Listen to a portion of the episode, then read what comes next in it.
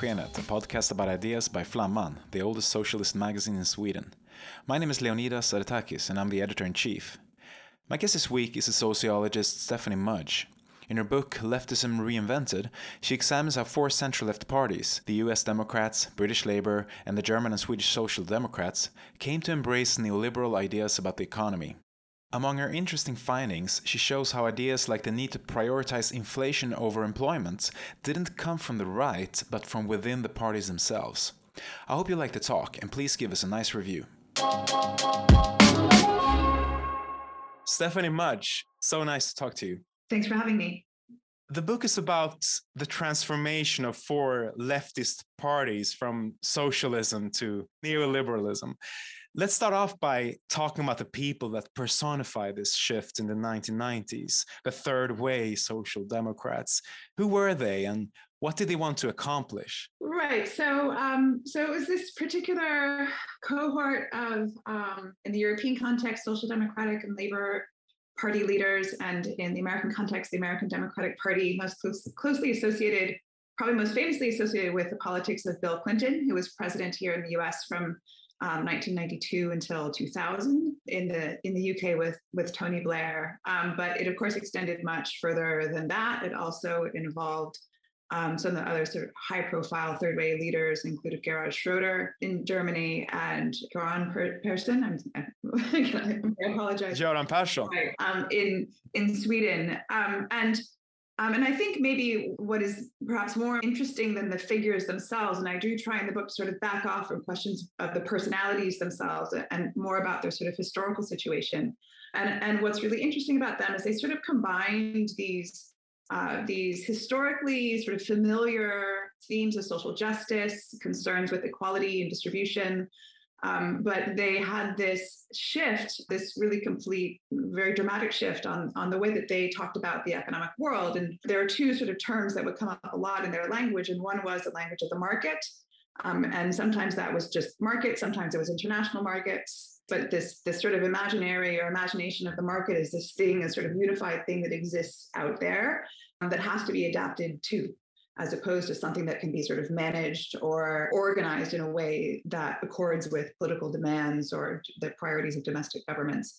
And the other term that they often use, which is sort of a proxy for markets, emphasis on globalization, which had a similar sort of imagination of this sort of forces out there that had to be adapted to, that couldn't be stopped, that couldn't be interfered with, and that were things to be harnessed instead of things to be managed or um, or tamed in some way. So this was, in, in that specific sense, it was a dramatic break, especially with the historical politics and ways of thinking about the economic world, especially in social democratic parties, which is why I was especially interested in them. Um, in particular, if you if you think about their origins in, in Marxian or, or, sort of varieties of Marxian thinking, where that way, where the characteristic way of thinking about the economic world was in terms of capitalism, of course, and in terms of classes and class relations, and it was even a break from the way that um, those same parties thought about the economic world in the 60s or even into the 70s, which was not so much about capitalism, but as this sort of domestic sort of engines. The economy was sort of like this domestic engine that could be sort of managed and controlled in ways that could could balance the contradictory interests of capital and labor so that was the, the sort of hallmark shift. I think it was a dramatic break in the past was this, this novel way of thinking about the economy in terms of these sort of the market as a sort of thing out there that has to be adapted to. And then the other couple, uh, I lay out sort of three hallmark emphases of the third way. One of them was the market. Um, one of them was this sort of this claim that the proof that they are on the right track, that they're thinking about things in the right way, that their policies are the best policies, was whether they're winning policies. In, in other words, if they won elections, if they were in government, and they then that that was sort of proof that they were doing what the people wanted.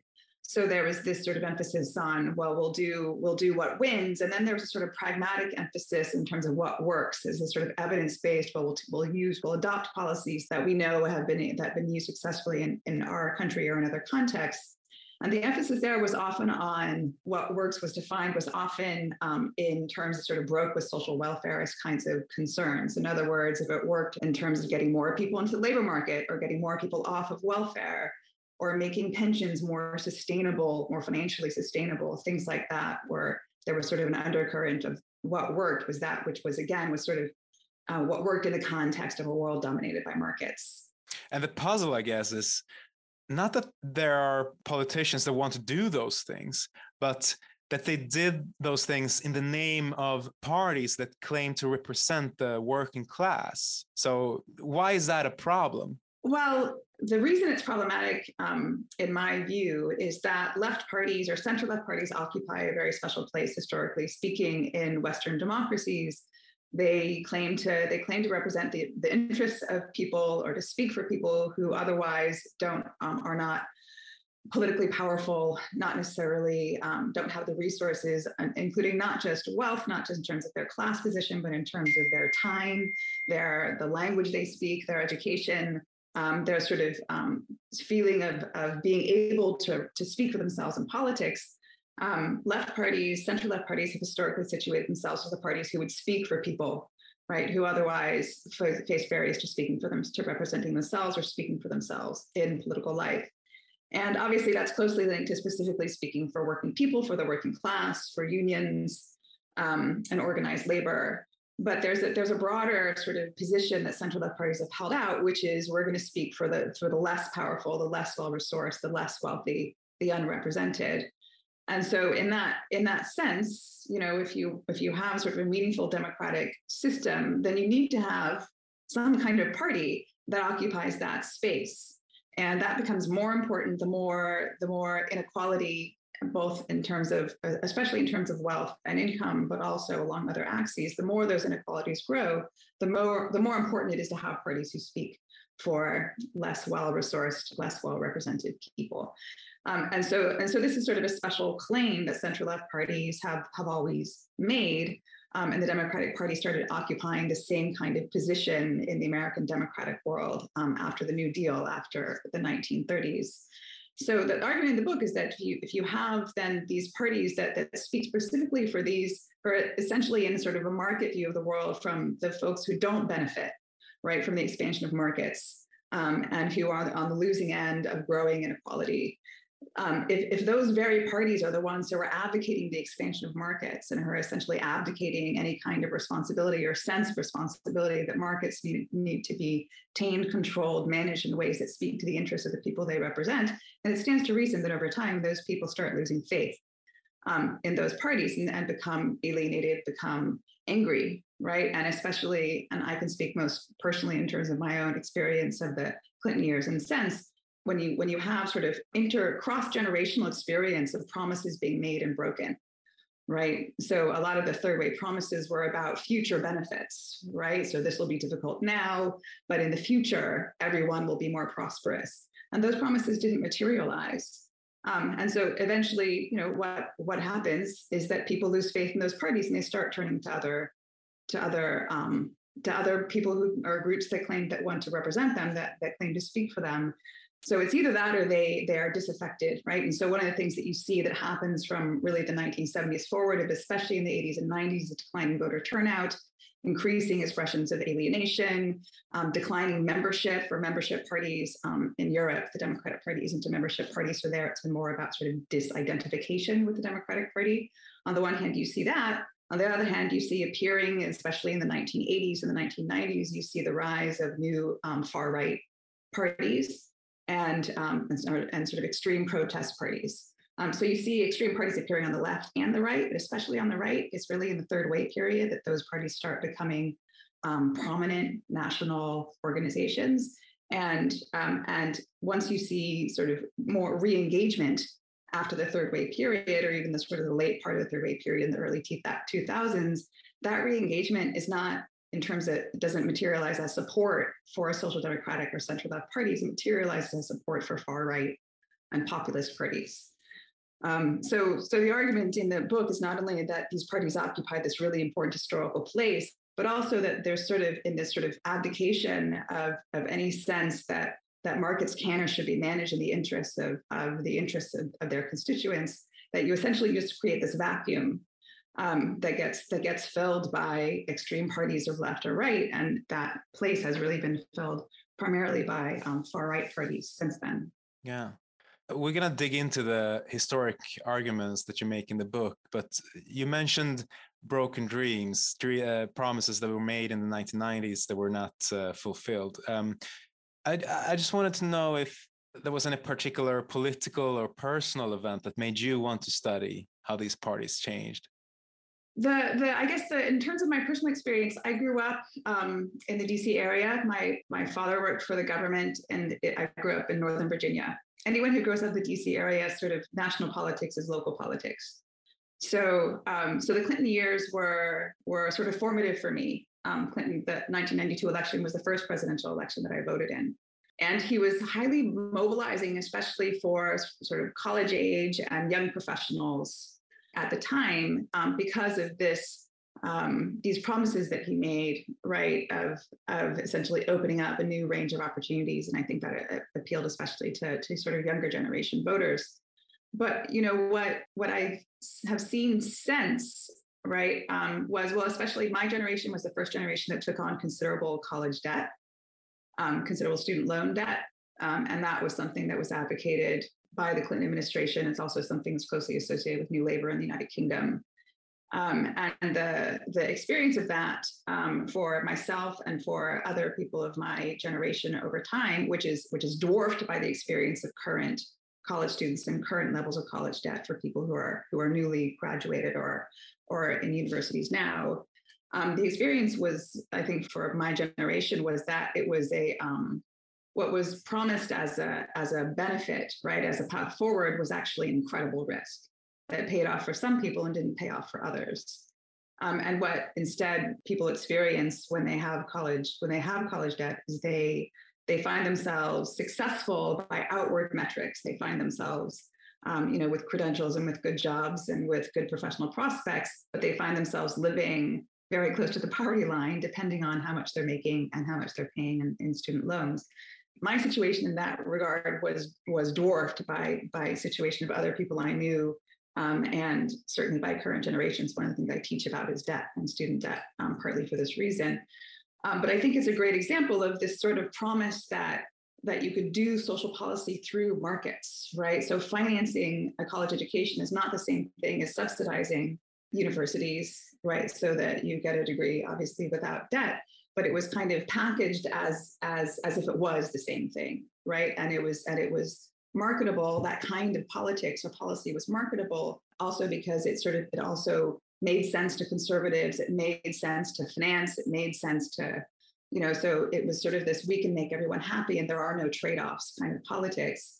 And i think what people realize especially in relation to things having to do with credit and debt over time is that is that it, it's just as contradictory. Capitalism is still contradictory, right? And um, and what it really does, right, is it moves risk right onto the in this case onto citizens, onto students, onto you know consumers, and that's been the general trajectory of, of finance in the U.S. and elsewhere.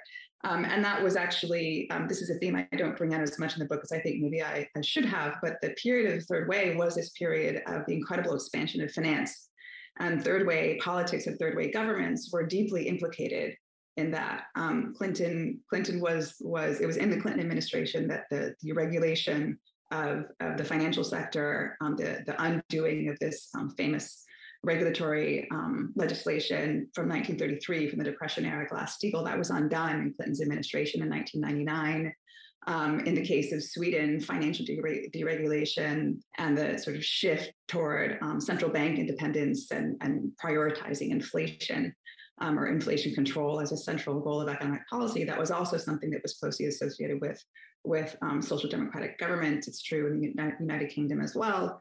Um, and so it was this, this kind of move to markets, the policies underlying that often meant in practice moving to finance moving to, you know, moving and both liberalizing international financial flows and shifting to um, to financial mechanisms on the domestic level in order to achieve social ends.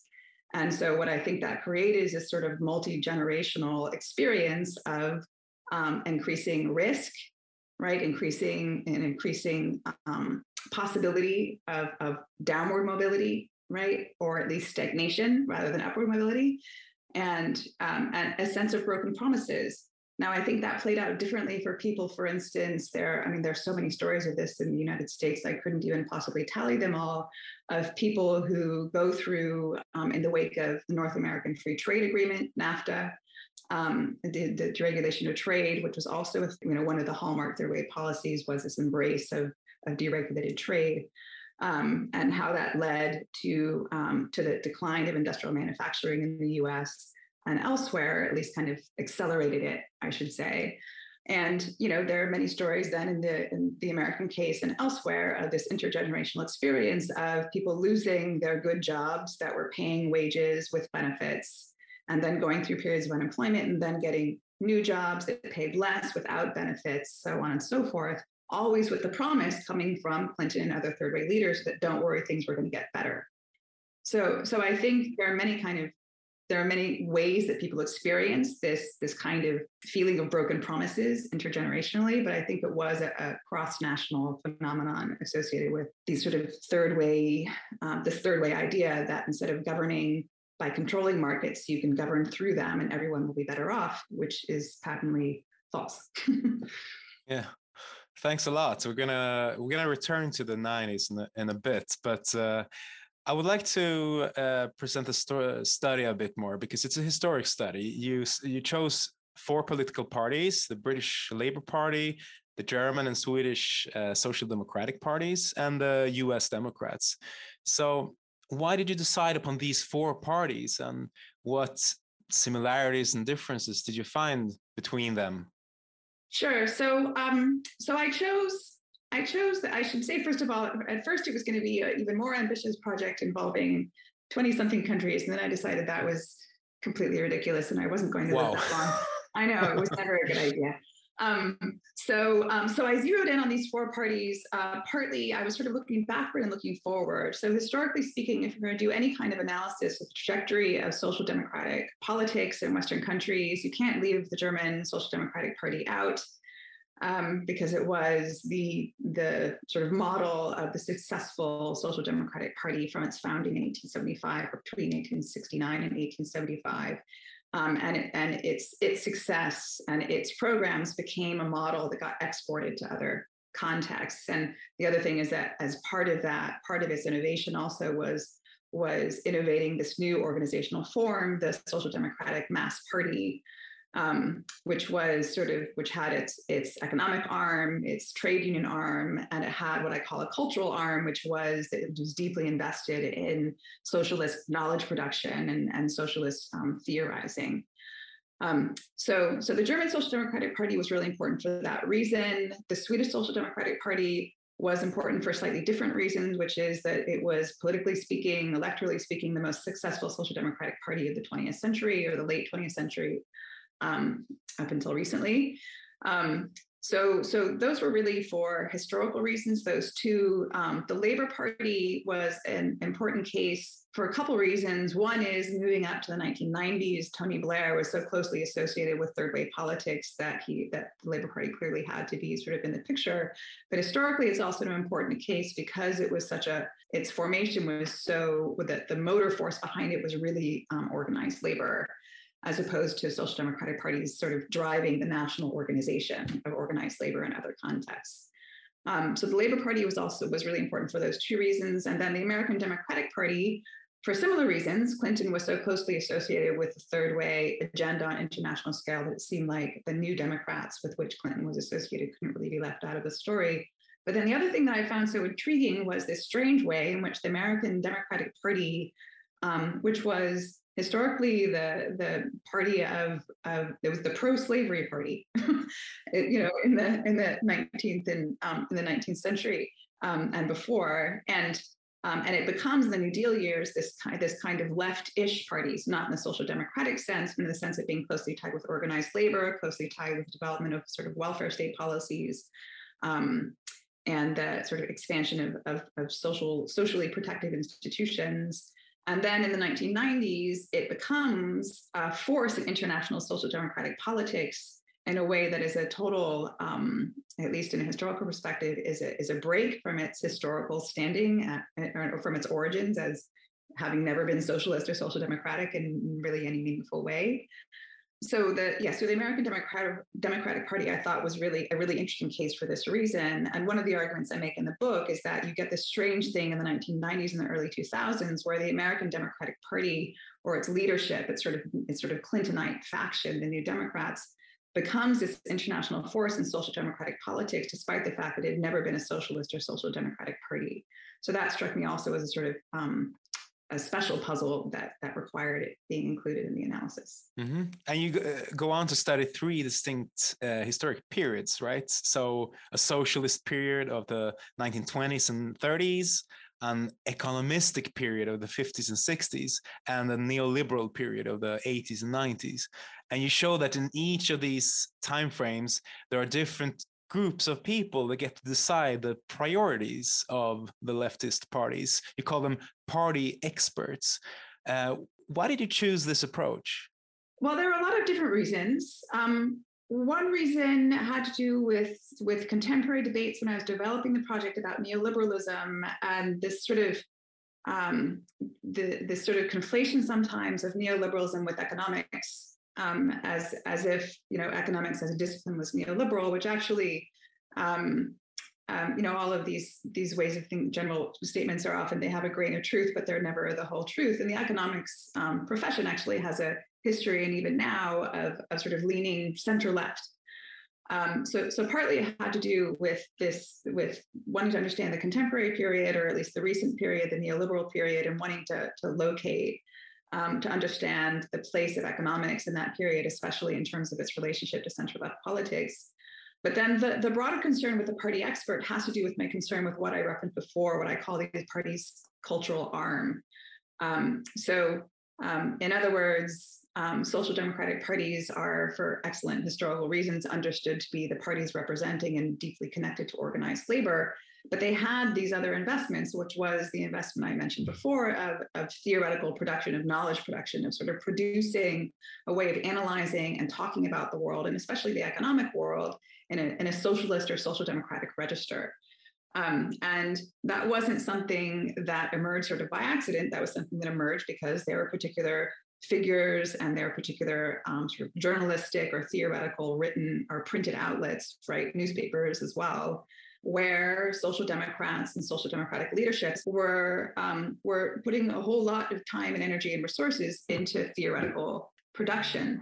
So this language that you find, and I do an analysis in the book of the programmatic language of all the parties in these three time periods around 1920, around 1960, and, and sort of mid 1990s.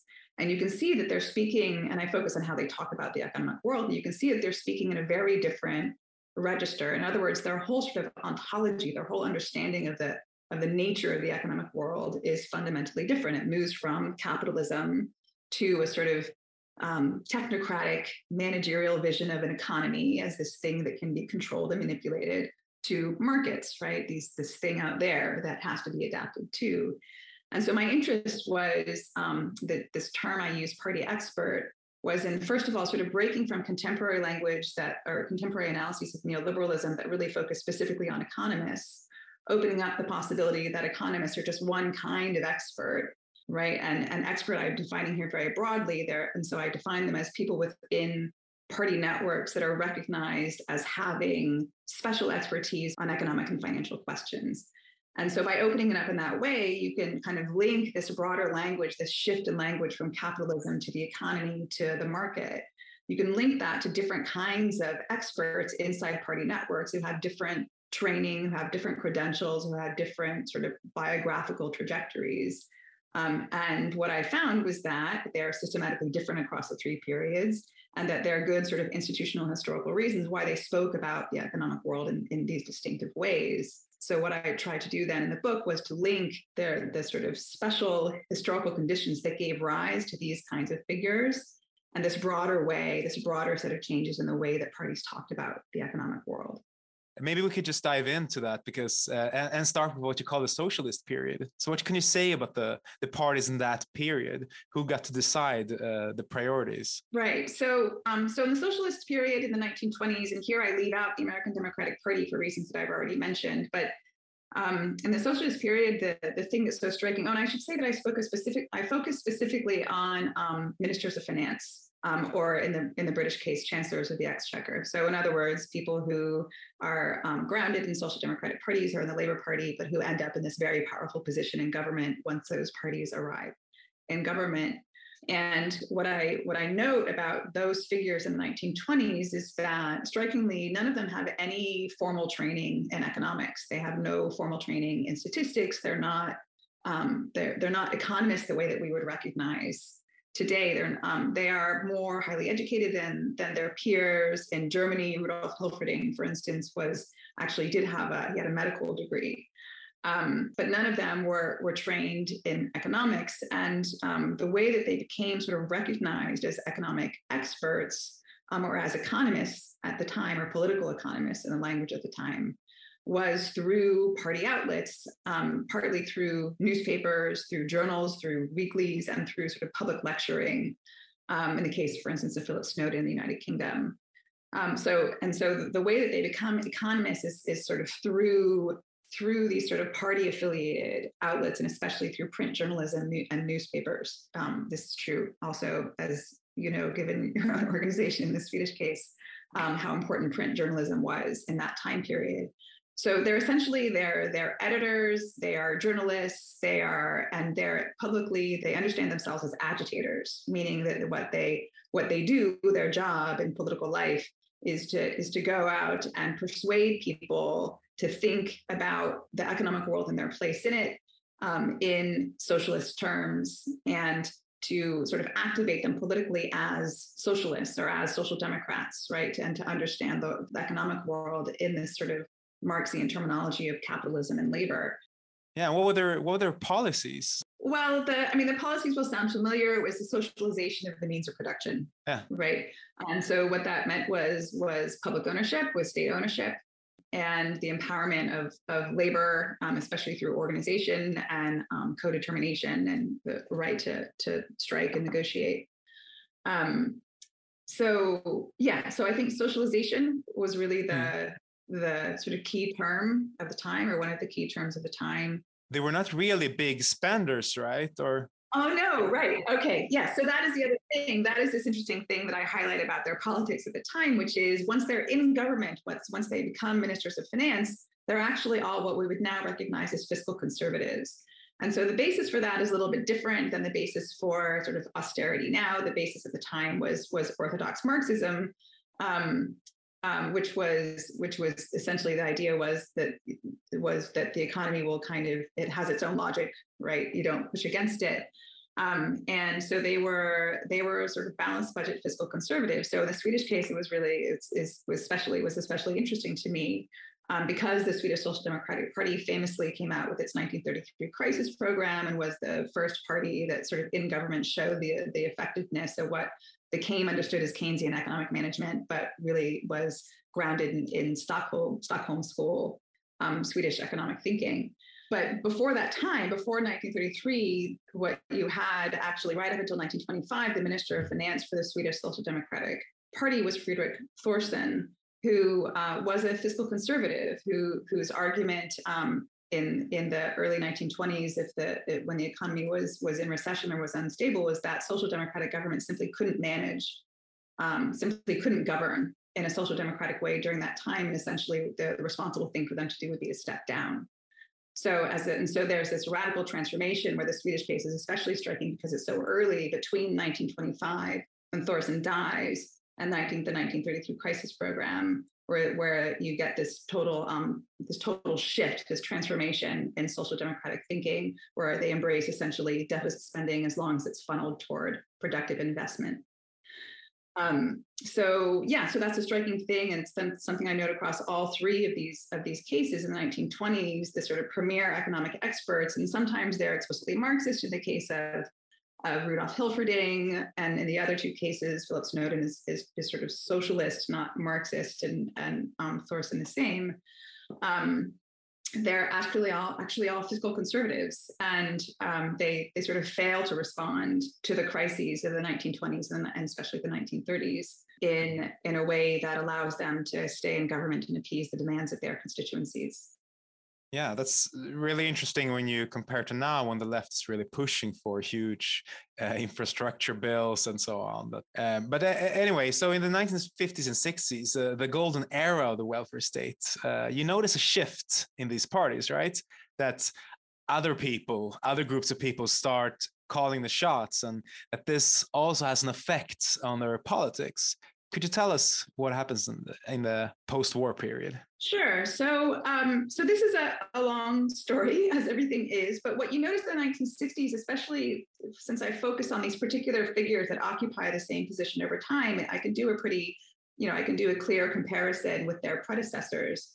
Um, and what you what you notice about the um, sort of emergent, you know, dominant economic experts in, in all the parties by the 1960s is that they have incredibly similar profiles. They're they're these are all they're generationally similar. But the, the thing that's really striking about them is that they are all um, credentialed economists and they're all recognized as credentialed economists um, who move in between academic positions and, and sort of party involvements and, and government positions in the course of their professional trajectory. So, in terms of their credentials, they're completely different from the, the socialist party theoreticians of the 1920s and one of the things that's so remarkable, remarkable about them is that even though they are deeply involved in social democratic um, and labor right and American democratic parties, um, they're recognized publicly as economists, as sort of technically qualified um, um academic, sometimes academic economists, and um, and trustworthy for that reason. And so I emphasize this sort of hybridity about about uh, that that you find in the, the profiles of these, these particular figures. And here I'm talking about people like Walter Heller in the United States and the other members of, of, um, of Kennedy's Council of Economic Advisors. And in Sweden, I emphasize um, Meidner um, as sort of hallmark case of this. In the German case, in the West German case, um, I talk a lot about um, Karl Schiller. Um, and the thing that's really remarkable about them is, is, is, like I was saying before, they have this hybrid institutional position in between parties and governments on the one hand and the academic world on the other. And they have this, they also play this kind of special role inside social democratic parties where they see their job as sort of constantly negotiating this line and so their job in politics, and I, I, go into sort of how do they see their, you know, what are their professional responsibilities? What are their sort of ethics around their professional role in politics? And, and they see their job as sort of taking what's known in scientific economics and technical economics and, and interpreting it in a way that gives political leadership, social democratic governments, um, a capability to, to sort of make um, informed calculations about trade offs right? So in other words their job isn't to tell them what to do or what they can't do. Their job is to tell them well if you if you do if you do this this will be the consequences for unemployment and for inflation. If you do this other thing this will be the different these will be the other consequences. And so they see their job as sort of interpreting or using science in order to offer social democratic or center left um, governments or the, this these sort of strategic options right? And so the way I characterize that, I call them um, economist theoreticians, and I characterize that as this sort of um, that it's understandable in terms of this sort of hybrid institutional position gives them gives them this keen sense of the, the divide between science and politics or between economics and politics. The other thing that's really interesting about them is that they see themselves as representatives of a consensual discipline, a consensual profession. In other words, they see their ability to play this role in politics of offering sort of strategic trade-offs or or a sort of menu of options to center left parties they, they see that as being possible because they're backed by a consensual discipline that recognizes that they are legitimate spokespersons for um, sort of accepted scientific understandings of how the economy worked. All right. And the, the next generation of economists, I guess, take a different uh, approach. And I, I, wanted to get into the Swedish Social Democrats as an example. And you locate the neoliberal shift to 1982 with the Olof Palme government. And we, we're going to get there soon, but there had been critics of the welfare state policies within the Social Democratic Party by then for a long time. Um, can you tell us about that? Like, who were those people and what were their arguments? So this is something that I that I write about, relying especially on the on the work of other scholars who have tracked for instance, um, dynamics between the leadership of the, of the Swedish Social Democratic Party and um, their Social Democratic appointees to the Swedish Central Bank. Um, so, so that's one story that I tell um, that goes back at least to the 1950s, um, where where there's sort of contention, basically that's basically intra-party. It's basically within party networks um, over the relative independence of the Swedish central bank and whether it can you know, its power to sort of uh, independently raise interest rates and and you know manage monetary policy without having to um, without the consent of of, of um, leadership and government. Um, so that goes that goes back at least to the 1950s, um, where the big break was. I think it was 1957, where the the Swedish central bank raises interest rates basically without the consent of the government. It's reminded that it can't, that it's actually not allowed to do that. That it gets the sort of um, windfall profits actually from that rate increase, which supports actually the funding of what would become the Nobel Prize in economics. Um, so there's that sort of axis of conflict or this sort of axis of opposition, I guess, within social democratic networks between um, social democrats in the central bank and social democrats in government.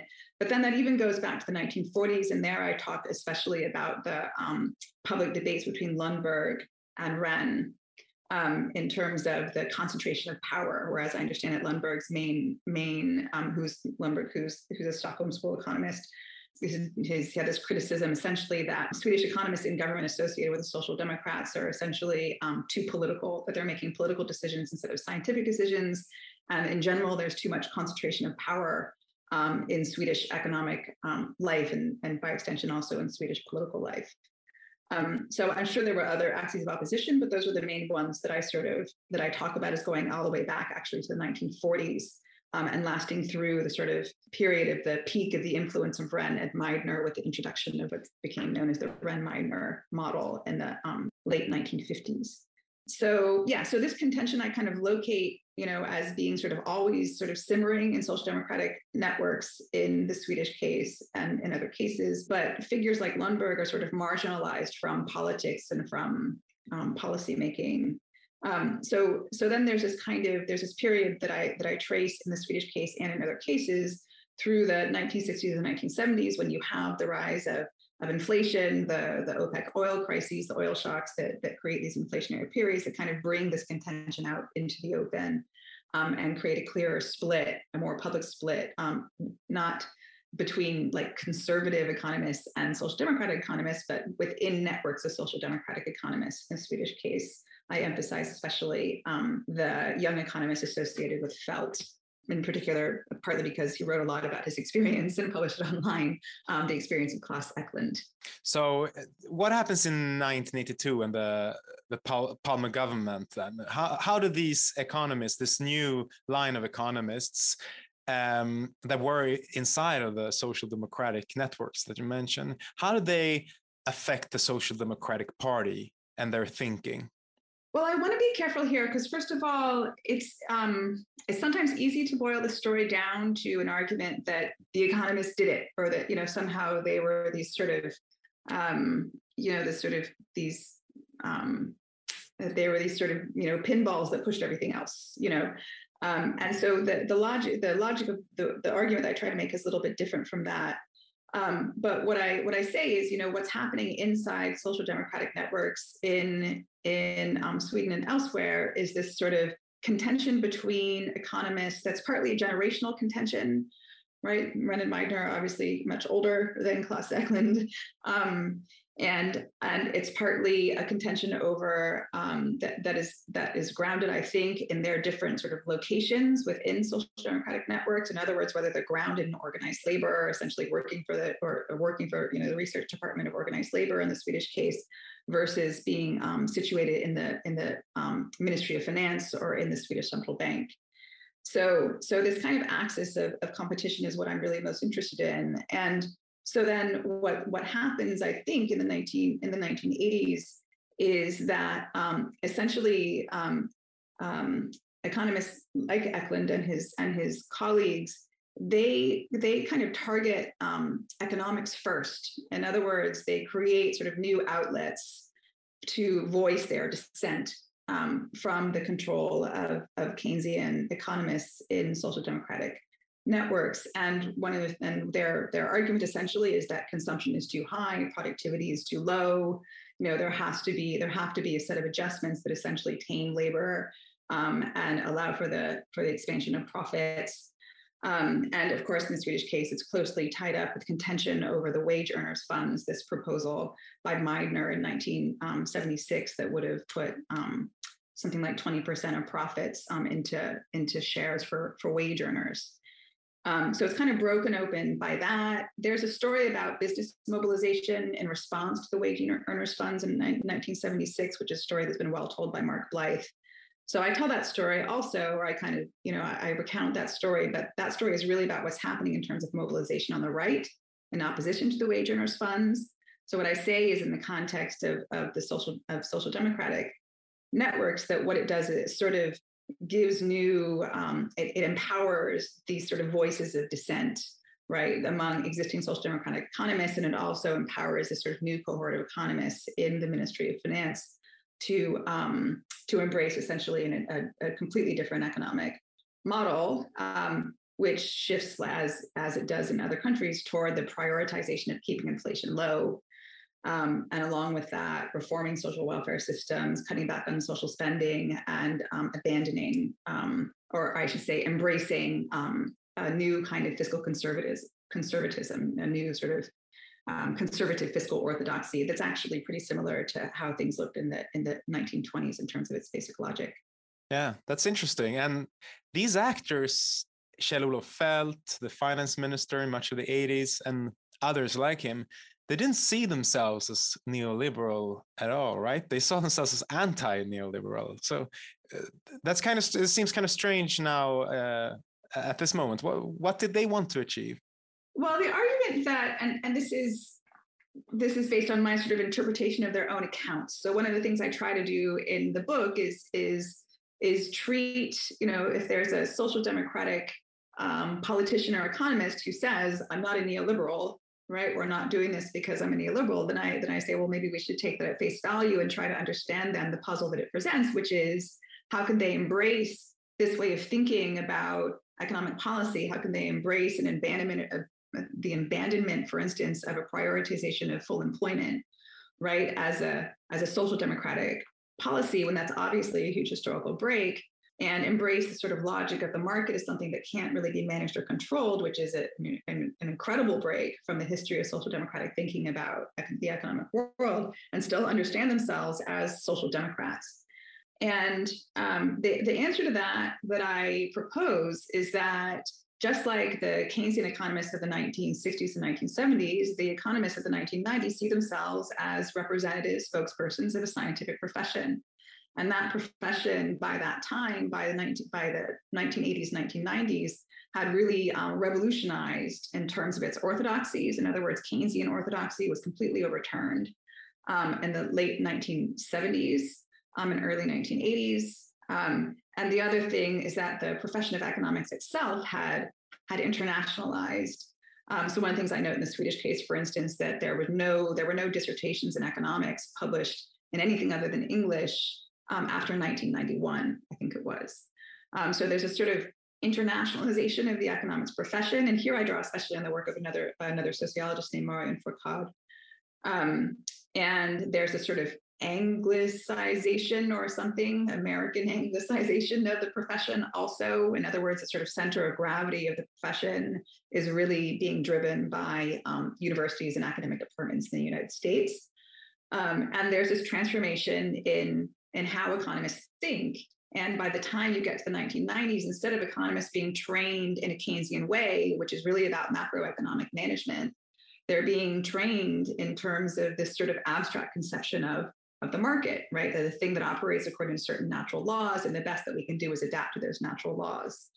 So, my suggestion, my proposal is that these economists understand themselves as sort of representatives of, or sort of bearers of a certain scientific orthodoxy that's grounded in in research and, and the sort of dominant orthodoxies of their profession. But that orthodoxy had completely transformed by the 1980s and 1990s in a way that was no longer sort of friendly to what I call a Keynesian ethic. In other words, that idea that what economists can do is facilitate social democratic government by giving them trade offs right? Instead, they had this idea of how markets work according to natural laws, which which led to a different kind of ethic, what I call a neoliberal ethic, which was essentially what economists need to do is they need to um, limit politics, right? They need to, they need to try to limit politics in order to to to set markets free, and that's a thing that's going to lead to long-term prosperity. One of the things in there, of course, is those economists are no longer seeing themselves like economists like Schiller or Heller as as people who need to to be concerned with the strategic necessities of social democratic or center left governments. In other words, their problem is not whether or not those, those parties are representing the interests of their constituencies. Their concern is whether economic policy is being made according to the most current um, and the and the sort of dominant orthodoxies of the economics profession.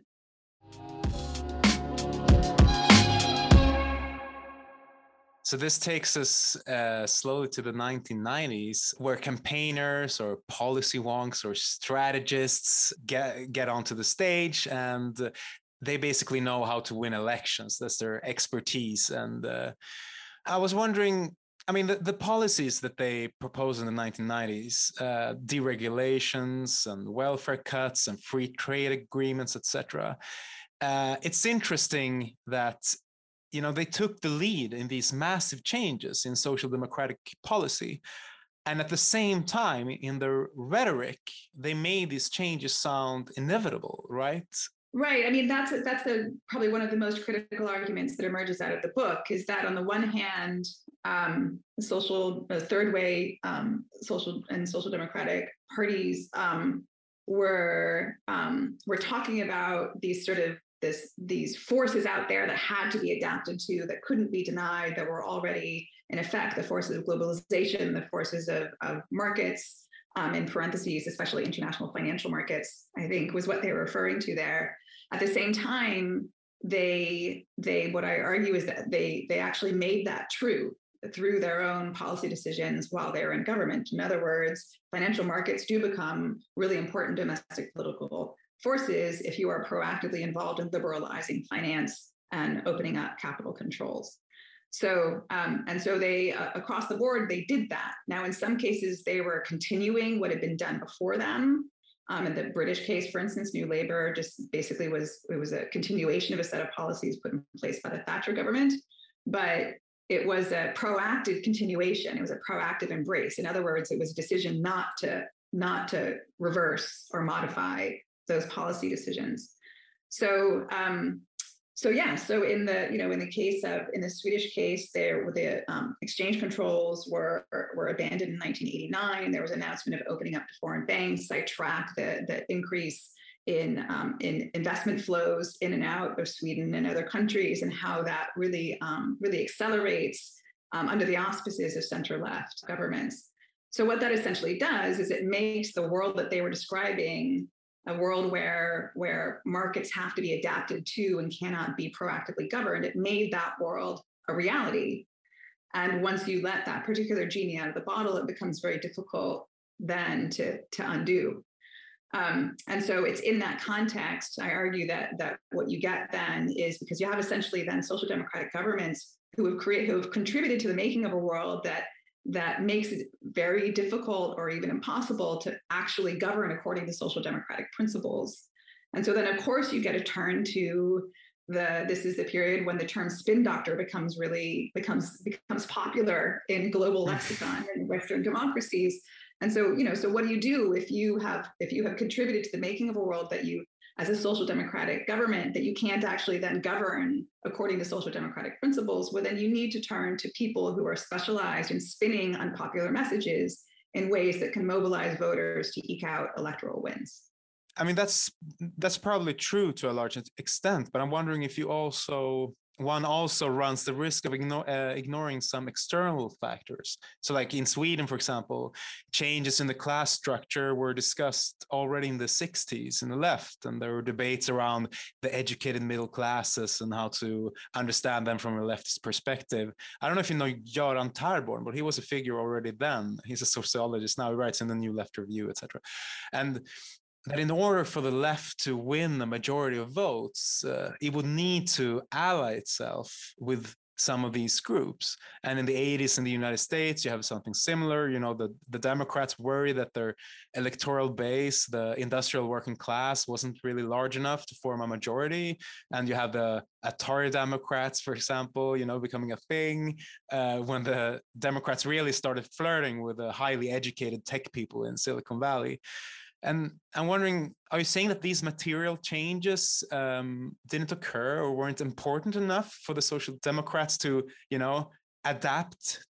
No, not at all. Um, the one of the general arguments of the book, though, is that this sort of external internal way of thinking about parties it, it kind of um, one of the advantages of my approach of kind of looking at the trajectories of particular people is you realize those boundaries are are, are constructs, right? In other words, the actual lived experience of people inside, um, for instance, new democratic networks in the United States isn't that there's sort of this inside world and there's this outside world and what happens out there these events sort of push the party toward to do different things right where they don't have any choice because of external developments um, but rather there's this interpretive process of those developments. So in this case, you know, sociologists, among others, were actively involved. Were, were sort of like the economists of the 1960s, right?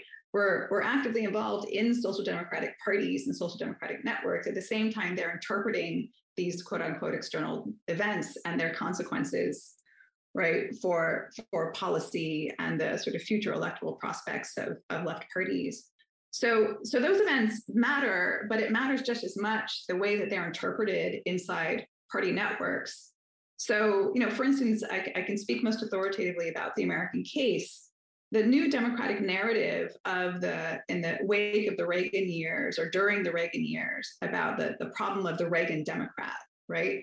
Um, the problem of the, the working class voter who's turned to Reagan right? And the reason their assessment of that was that this has we're doing these sort of old politics where we're where you you know we're we're bowing too much to the preferences of labor, the preferences of unions. You know, we need to break from that, and you see the same kinds of discussions in in labor party networks as well. And there is also this this this argument that I think is more influential, for instance, in Sweden um, and possibly in in in West Germany and then Germany um, about the, the sort of decline of um, industrial workers and the problem of the rise of professional white collar classes. And, and those are all really, really important. But, but I think it's important to remember also these were perspective arguments, right? These were arguments about the future. These weren't necessarily arguments about, about what was happening in the moment. And they were interpretations of the meaning of what was happening in the moment right? And those interpretations could have been different. In the American case, the New Democrats, if you really look closely at the way they talked about the Reagan Democrat or the, the mainstream voter, the mainstream voter was uh, um, a working or middle class white man. That was the mainstream voter. That was precisely who they were thinking of. And I've talked to some of these folks, and that is the profile, right, of the mainstream voter, a relatively unquestioned, questioned sort of demographic category, which, if you think about it, with all due respect to those folks, um, is patently absurd, right? The vast majority of the American electorate is not a middle or working class white man, right? And so they would talk about women, they would talk about Black people, they would talk about people of color, they would talk about immigrants, they would talk about um, about gay and lesbian people as the fringe, essentially everyone. So, in other words, the vast majority of the population, their imagination of the mainstream voter was the fringe, right? Um, and so so i think there's also this sort of maybe this sort of um, making something real effect that goes on there. And i again i can speak most authoritatively about how that worked in the new democratic circles but i think there was also this imaginary going on inside center left parties inside party networks that were essentially arguments about why they couldn't keep appealing to working class people right? But they were interpretive arguments which is what it's what social scientists do, right? We have to do that. But there were arguments about the implications of current events for the future. Those arguments turned out to be patently wrong, right? Or, or I think you can argue that they were that they were incorrect. In other words, in the United States and in other places, you have working people who are leaving central left parties in droves, and it's not clear that that was in spite of third way policies. I think it's better. It's probably more likely that it was because of third way policies. Yeah, like they didn't have to sign the free trade agreements, for example. No, or... they didn't have to. or if they did, they didn't have to do it in a way. I mean, Clinton's Clinton promised labor, organized labor, in, in on the campaign in 1992 that he would he would do NAFTA in a way that would incorporate the interests of labor, that would protect them, that would transition them into new jobs. He didn't do that. That is wasn't how NAFTA. That wasn't how NAFTA ended up being agreed on. That was left out. He did make concessions yeah. to environmental groups, but he didn't make concessions to labor. And, and what that did was it completely gutted electoral support for Democratic candidates in Congress and the House of Representatives. And what you got then was a collapse of the, the old liberal branch of the Democratic Party, not, not because NAFTA was popular, but because it was unpopular with it, with the Democratic electorate in local strongholds. Yeah. So I want to end by looking forward do you think it's possible for these parties to become mass parties again? Honestly, I'm very pessimistic on that I I. Um, okay, come on, let's try it again. no, I'm kidding. Um, so, so here's here's the um, and this is partly has to do with the experience of, of, of, of talking about this book and then presenting on this book sometimes to people um, who are um, who have leadership positions or have had leadership positions in, in um, social democratic and labor parties. And my impression is that um, that in a certain way, there's been this sort of lock-in effect of the professionalization of politics. Um, or once you got, once you had this problem where um, where central left parties could no longer assume that they could command that they could mobilize at least this, a, a certain base, right, a certain portion of the electorate. Well, they increasingly turned to consultants and to strategists in order to in order to sort of focus on messaging, right, instead of any kind of grounded back and forth communication that would facilitate a meaningful understanding of the needs and desires and everyday experiences of their constituents. I think of it actually that process of professionalization as sort of building a, a moat, right, around around politics in general, around what I would call the political field, but especially around social democratic parties who rely ex- extra heavily on these kinds on these sort of on you know people specialized in strategy and spin for exactly the reasons i was saying before. They have to find a way to sell unpopular policies right to their own constituents and that relies a lot of spin that requires a lot of spin. Um, and and from what i can tell that moat is just getting deeper and broader. In other words if you try suggesting to a social democratic party leader that they should consider getting rid of all the consultants. They should consider doing things in a long term way, returning to the project of building social democratic culture and and a social democratic um, way of thinking, right, on the part of, of constituents and, and the many people who they've lost along the way, that is rejected out of hand. It's, it's there's a there's a short termism. There's we have to win the next election.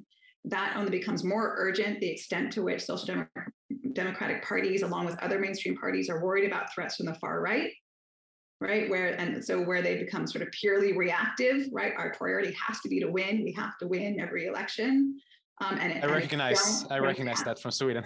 right, absolutely, and, and, you can understand, and I can understand the necessity of that, right? Uh, and, and so I think I think that is their world now, and what that means is that they cannot play the long game anymore. And by the long game, I mean they can't do that long term project of getting back to grassroots constituencies understanding right their lives and and and and bringing them around to a certain way of thinking that would support a long-term political project which really was what social democracy was especially in the european context in my understanding of it. It was a cultural project first.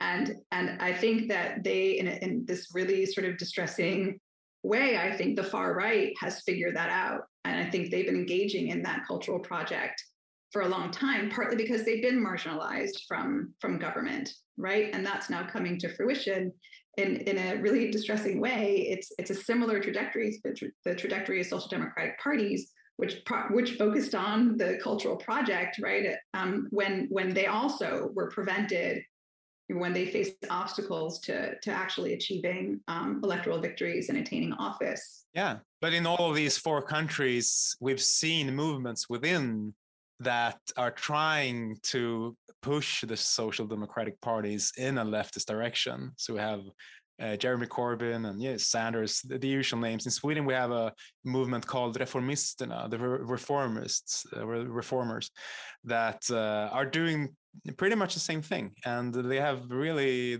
there are more and more members now in that group and uh, so the it, something is going on uh, do, you you don't think that uh, you don't think it's possible to do like the uh, DSA has done now in, in America, for example, trying to push the Democrats to the left, and you know maybe they won't win the internal uh, uh, election, but they can at least get some of the policies through. Yes, I think that's entirely possible, but but I don't see those as dynamics emerging from within existing social democratic parties or the Democratic Party. There are forces emerging uh, around them, right, the edges outside of them, trying to push them a certain direction.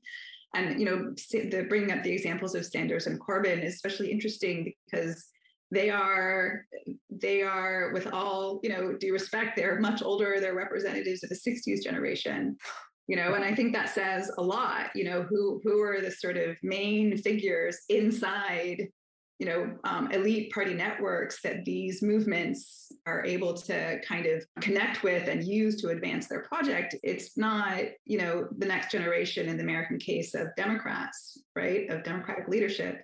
It's it's sanders right who's been around forever right? And corbyn is the same kind of story. So yeah so that's but martin luther king was also kind of old when he was i mean he was not a part of the 68 generation as well right yeah, he was absolutely. he was a bit there, older there at least in my way of thinking there you're talking about what are effectively social movements right that mm. are that are that are pushing center left parties or trying to push right center left parties in certain directions right and so whether that will be successful as a long term project i think that's it's entirely possible. I have I the DSA inspired a lot of hope within me, especially because of the generational dimension of it, because the vast majority of its members are um, I think in their 20s, right, or early 30s. So so you know so that points the direction of a, of a, a long-term generational change but you know right now for reasons i was just referencing having to do with the threat of the far right the, the short term i think is what's driving party elites short-term electoral concerns. And so I guess it's what happens in between now and the fruition of that longer term cultural project that is what makes me pessimistic. All right. So on that uh, sad note, let's end this conversation. Thank you so much for talking to me. Sure. Thanks so much for having me.